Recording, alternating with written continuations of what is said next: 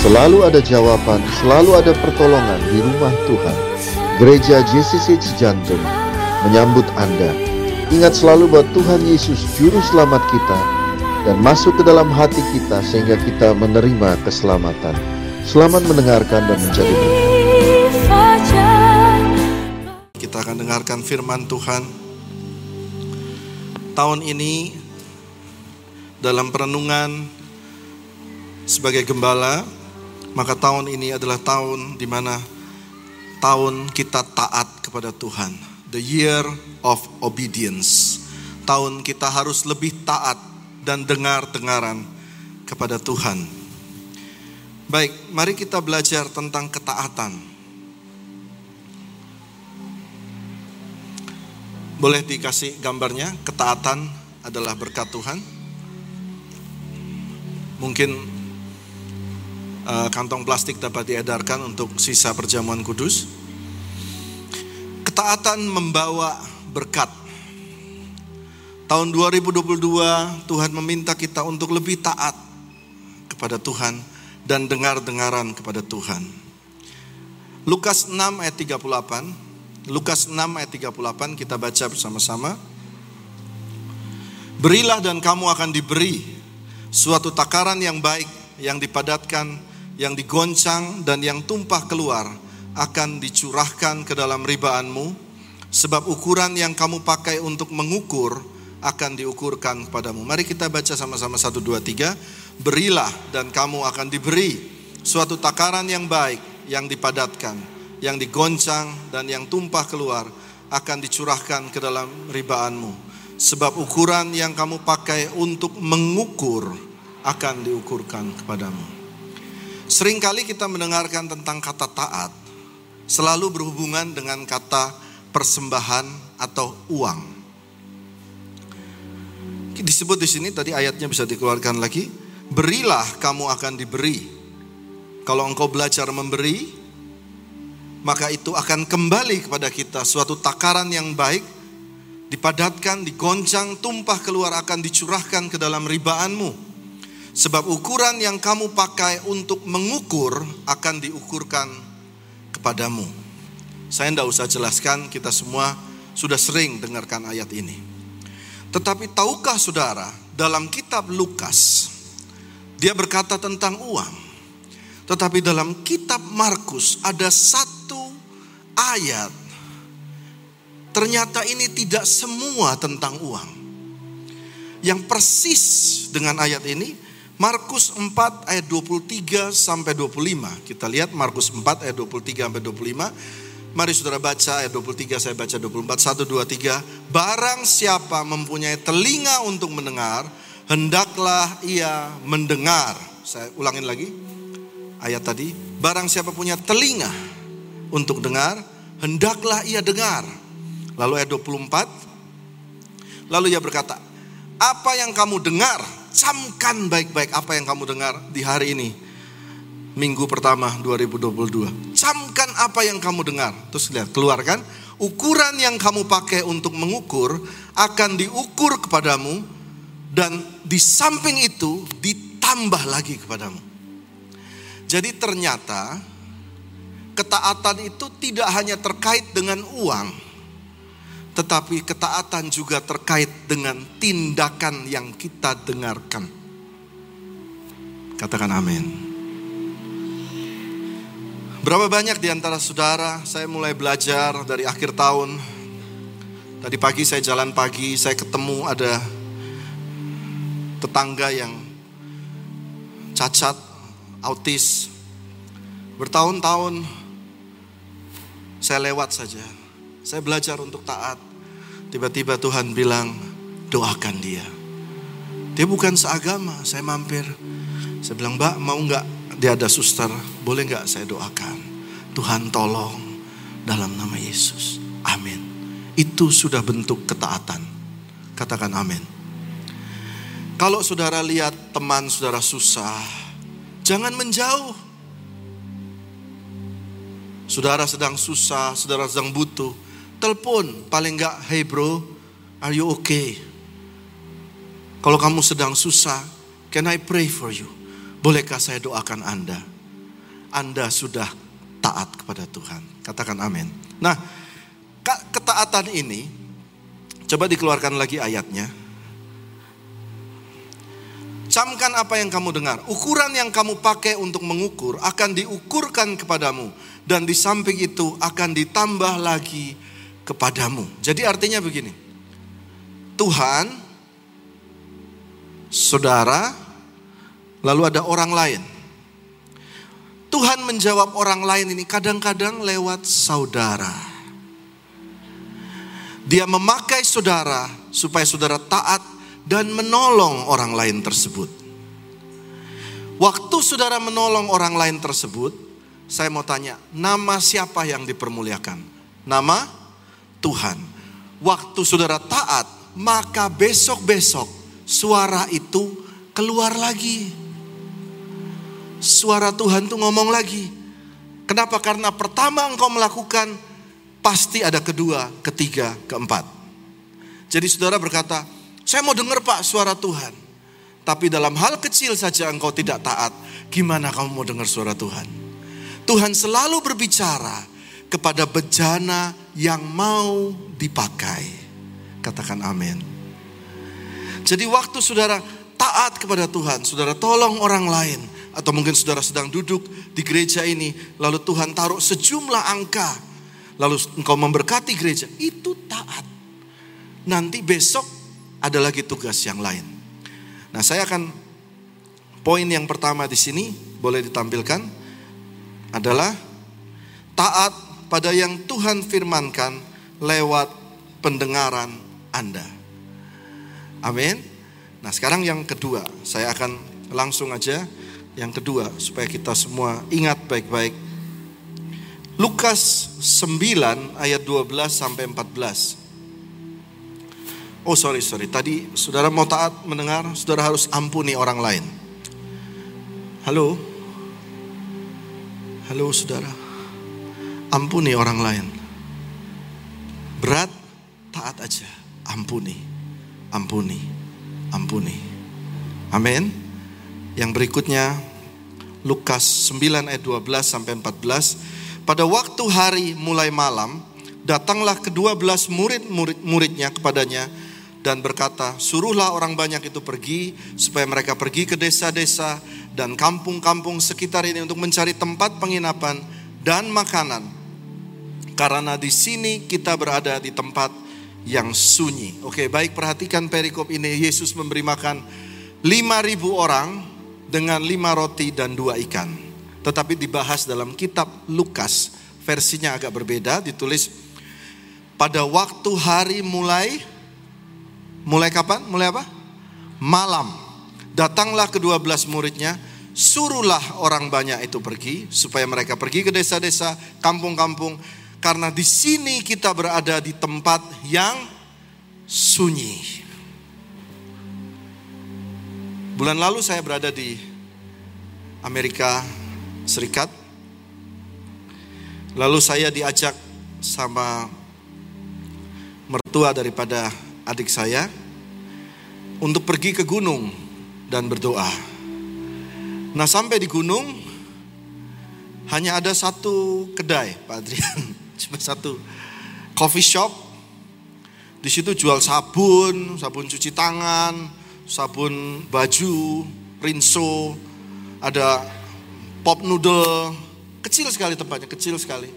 Mungkin kayak ruangan ruangan singer di sebelah kiri saudara, kecil sekali di situ. Dan dia juga ada jualan burger, ada jualan pastel dan lain-lain. Cuma satu tempat itu. Kita sampai di sana jam 11 siang. Lalu langsung disuruh makan sama mertuanya adik saya. Eh makan. Kita hanya berdua. Lalu setelah itu kita jalan, naik ke gunung, melihat lalu kita berhenti, kita berdoa. Kita berhenti, kita berdoa. Kita lihat saya ketemu burung elang, ketemu juga burung gagak, ketemu semuanya. Uh, lalu satu jam setengah kita balik, jam setengah satu, kedainya udah tutup. Saya bilang ini orang nggak niat jualan, nggak ada, nggak ada makanan di situ. Padahal kita turun lapar mau beli kopi, Coca-Cola, lapar, nggak ada. Demikian juga di sini, sunyi tempatnya sunyi. Nah, Saya akan jelaskan ayat, ayat selanjutnya, ayat 13. Tetapi ia berkata kepada mereka, kamu harus memberi mereka makan. Mereka menjawab, yang ada pada kami tidak lebih daripada lima roti dan dua ikan. Kecuali kalau kami pergi membeli makanan untuk semua orang banyak ini. Ayat 14, sebab di situ, mari saudara baca ayat 14, sebab di situ ada kira-kira 5000 orang laki-laki. Lalu berkata, ia berkata pada murid-muridnya, suruhlah mereka duduk berkelompok-kelompok, kira-kira 50 orang sekelompok. Ada 5000 orang laki-laki. Jadi menurut tradisi Yahudi yang dihitung hanya laki-laki, Saudara lihat dari Matius 14 ayat 21, Coba lihat Matius 14 ayat 21. Tadi Lukas, sekarang Matius 14 ayat 21. Saudara baca, yang ikut makan kira-kira berapa? 5.000 laki-laki, tidak termasuk perempuan dan anak-anak. Jadi jelas. Kita kembali lagi ke Lukas 9 ayat 14. Jadi artinya mereka menghitung ada 5.000 keluarga. Mereka selalu ngitungnya keluarga. 5.000 kepala. Sekarang saudara hitung. 5.000 kepala keluarga pasti bawa istri. 5.000 kali dua berapa?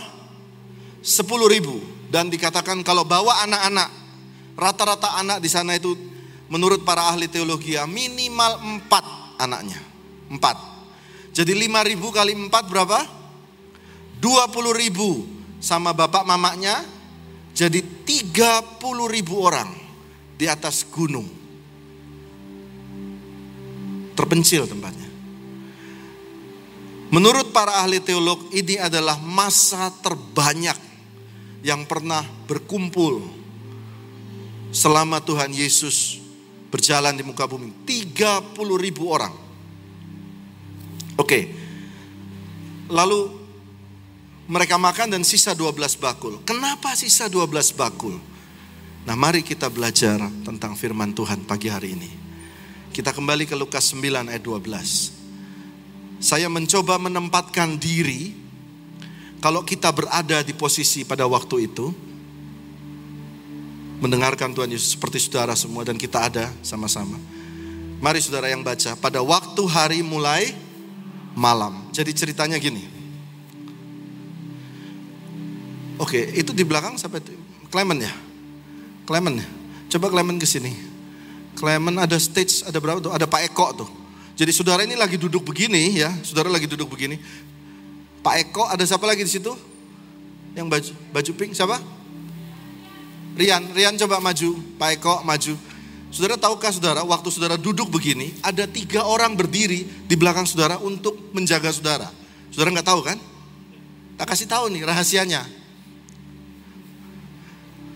Ada Pak Eko sama Adrian, tuh. Jadi mereka selalu standby. Kalau ada apa-apa dengan saudara dari belakang, ada yang sakit, mereka selalu standby. Kalau ada misalnya saya batuk, mereka langsung air, air, air, langsung saya dapat air gitu saudara. Hebat kan? Nah, saudara baik, barengan, masa kamu berbeda? Oke. Ini gampang aja, karena saya yang khotbah selalu saya jadi Yesus ya. Mereka ini jadi. Jadi mereka mereka ini khotbah uh, pada waktu hari mulai malam. Mereka ini 12 murid Yesus. Selalu standby. Saudara bisa bayangkan mereka yang mengatur semua. Lalu Yesus mulai berkhotbah. Jam 9 seri tentang pengampunan. Jam 10 seri pengampunan jilid 2 pakai pengurapan, pakai tumpang tangan dan Roh Kudus. Jam 11 siang seri apa lagi? Memberi. Jam 1 seri doa Bapak kami. Jam 2 seri doa Bapak kami jilid 2. Jam 3, jam 3 seri tentang keluarga. Jam 4 seri tentang pengampunan keluarga. Terus jam 5 seri tentang pengusiran iblis. Mungkin ya. Saudara lihat ayat ini pada waktu hari mulai malam. Semua terpesona dengan firman Tuhan Yesus.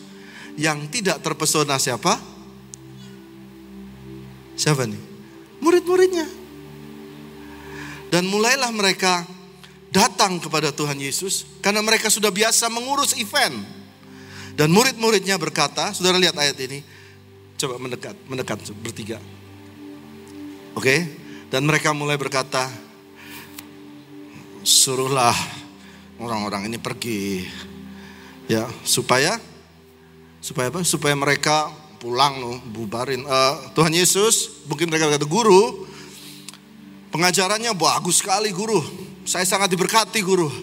Tapi ya jemaat ini kesian nih orang-orang udah maksudnya guru udah bisa selesai khotbah di dibungkus rep bungkus bungkus pulang udah malam udah lewat waktunya. Oke saudara saudara coba lihat ya. Ini saya kasih tahu rahasia lagi. Saudara boleh balikan wajah. Saudara lihat ke atas sana. Ya saudara lihat ke atas sana. Itu ada jamnya saudara. Saudara ngerti? Itu yang buat ini loh. Yang buat yang baju merah ini. Itu waktu menit-menit saya. Nah itu menitnya mungkin sudah habis, dia masih terus ngomong sampai malam Tuhan Yesus. Jadi tolong time up, time up. Suruh pulang. Lalu Tuhan Yesus menjawab apa? Ayat 13, dia kan bilang orang banyak. Dibalikin sama Tuhan Yesus. Oh, kamu peduli sama orang-orang, sama jemaat. Oke, ya kasih aja mereka makan. Kasih aja mereka makan. Nah sekarang saya bilang Clement, ini kan paling kumpul 400 orang. Coba saya bilang Clement, Clement kasih aja mereka makan. Uh. Saudara mengerti sekarang ayat firman Tuhan ya. Dia pertama concern tentang orang-orang, Tuhan Yesus balikin lagi, ya udah kasih kamu yang kasih mereka makan.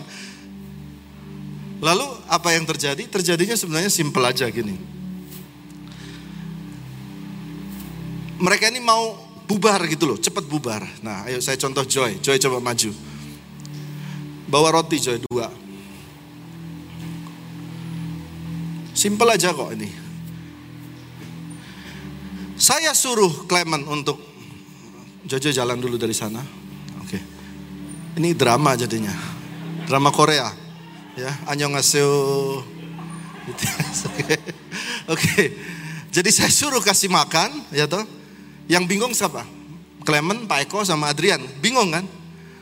Dan lewatlah seorang anak kecil. Lewat aja. Langsung ambil aja, comot aja langsung. gitu loh. Langsung comot. Dan dia berkata, uh, yang ada pada kami tidak lebih dari lima roti dan dua ikan. Coba angkat rotinya. Cuma ada itu. Artinya apa? Mereka mau bilang, udah bos, suruh pulang. Times up. Bungkus. Dan jawaban Tuhan Yesus. Ya, saudara baca ayatnya. Ayat 14 dan jawaban Tuhan Yesus adalah Ya udah, cukup. Suruh duduk berkelompok 50-50. Bingung nggak? Tambah bingung mereka. Dan sudah mulailah mereka duduk. Oke Joy, sudah boleh duduk Joy. Thank you, thank you udah boleh duduk. Rotinya buat kakak-kakak. Thank you. Kasih tepuk tangan dong buat yang menjaga kita semua. Mereka juga dibekali dengan ilmu bela diri, saudara. Jadi kalau ada yang tiba-tiba apa kesurupan atau apa, tenang, pasti hilang langsung di belakang. Oke, oke okay, saya lanjutkan ya. Lalu murid-murid ini bawa ke Tuhan Yesus. Oke, saya minta roti lagi satu. Dan kita lanjutkan ayatnya. Kita sampai sini saudara melihat firman Tuhan dari sisi yang lain ya. Ayat 15, 9 ayat 15. Murid-murid melakukannya dan menyuruh semua orang banyak itu duduk. Di sini murid-muridnya sadar something is happen. Langsung suruh duduk. Bos mau bikin mujizat. Bos mau bikin mujizat. Ayat 16. Lalu dia kasih kepada Tuhan Yesus roti ini di tangan Tuhan Yesus. Dan setelah ia mengambil lima roti dan dua ikan, ia menengadah ke langit, mengucap berkat, katakan mengucap berkat. Saudara kalau di meja makan harus ucap ber berkat. Makanan enak nggak enak, kata terima kasih Tuhan. Coba katakan sama saya terima kasih Tuhan. Di meja makan harus ucap berkat. Amin. Biar itu jadi yang baik yang masuk. Oke, terus ini menarik Saudara.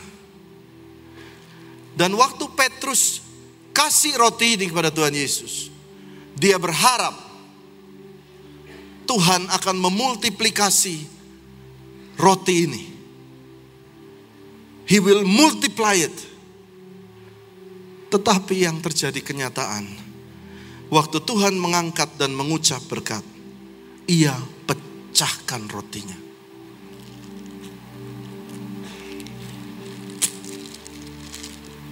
Coba tiga orang lagi kembali lagi. Karena firmannya pendek jadi banyak dramanya saudara. You will see saudara akan lihat. Aneh banget.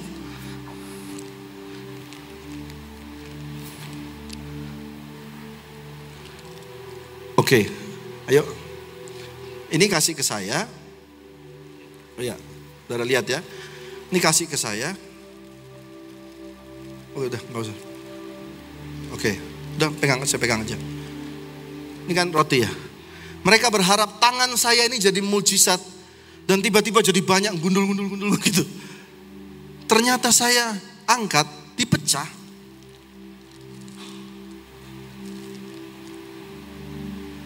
Kamu satu ya. Loh, jadi kecil dong. Kamu juga satu ya. Kamu nggak kebagian. bagi bagi bagi setengah sama dia. Bagi setengah. Oke ambil aja coel aja coel. Saudara lihat baik-baik. Ini betul-betul yang terjadi. Saya nggak melebih-lebihkan firman. Dipecah, dibagi-bagi. Lalu Tuhan Yesus bilang apa? Sudah. Ayo bagi ke jemaat. Ayo. Hmm. Nah, enggak kan ini contoh aja. Coba kasih aja, kasih coba kasih kasih ke Pak Adrian. Nah. Nah, mulai. Ayo gimana caranya bagi ya 30 ribu. Nah, Pasti dia akan suruh kan? Ambilnya dikit-dikit aja. Coba. Terus pasti ada yang gendut ngambilnya banyak kan? Pasti bilang, hush, Petrus pasti bilang, heh, temannya Pak Albert kamu ya, gitu. Sampai sini saudara nangkep. Dan pada remah roti yang terakhir, at the last crumb, it grows. It grows. Keep on growing. Mujizatnya terjadi di mana? Di tangannya mereka. Poin kedua. Tunjukkan poin kedua. Diberkati dulu, baru dikerjakan. Hari ini saudara akan kasih persembahan awal tahun. Saudara bawa persembahan, nanti kita berkati. Amin. Diberkati dulu. Mau punya anak, Tuhan berkatilah ya Pak Adrian. Mana Adrian yang Adrian juga ya. Mau punya anak, berkati Tuhan anak kami. Baru dikerjakan. Dan poin yang ketiga, terakhir. Harus dikerjakan, baru ada mujizat. Kalau kamu nggak taat, kamu cuma bisa nonton orang lain terima mujizat. Tahun ini sudahlah, biarlah saya melihat banyak orang-orang diberkati tahun ini dari jemaat-jemaat ini. Katakan amin. Saya melihat, Pak saya taat Pak, saya lihat Tuhan buka pintu pekerjaan. Pak saya taat Pak, saya lihat anak Tuhan memberikan kami buah kandungan yang diberkati. Saya mau melihat itu. Dan saya mau melihat saudara semua taat dengan Tuhan. Berikan tepuk tangan buat Tuhan Yesus. Thank you, thank you.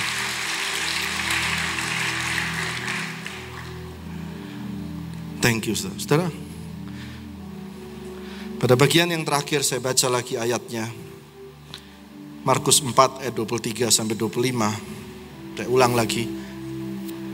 Mari saudara yang baca. Ini ayat pembukaan, ayat penutupan. Barang siapa punya telinga untuk mendengar, hendaklah ia mendengar.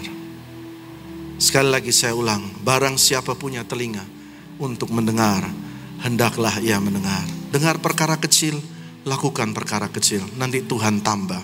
Ayat 24. Lalu ia berkata, mari saudara baca, camkanlah apa yang kamu dengar. Ukuran yang kamu pakai untuk mengukur akan diukurkan kepadamu. Dan di samping itu akan ditambah lagi kepadamu. Karena itu saya tutup firman ini. Kenapa 12 bakul? Supaya semua pulang tahu 12 murid satu orang satu bakul. Amin. Berikan tepuk tangan buat Tuhan Yesus.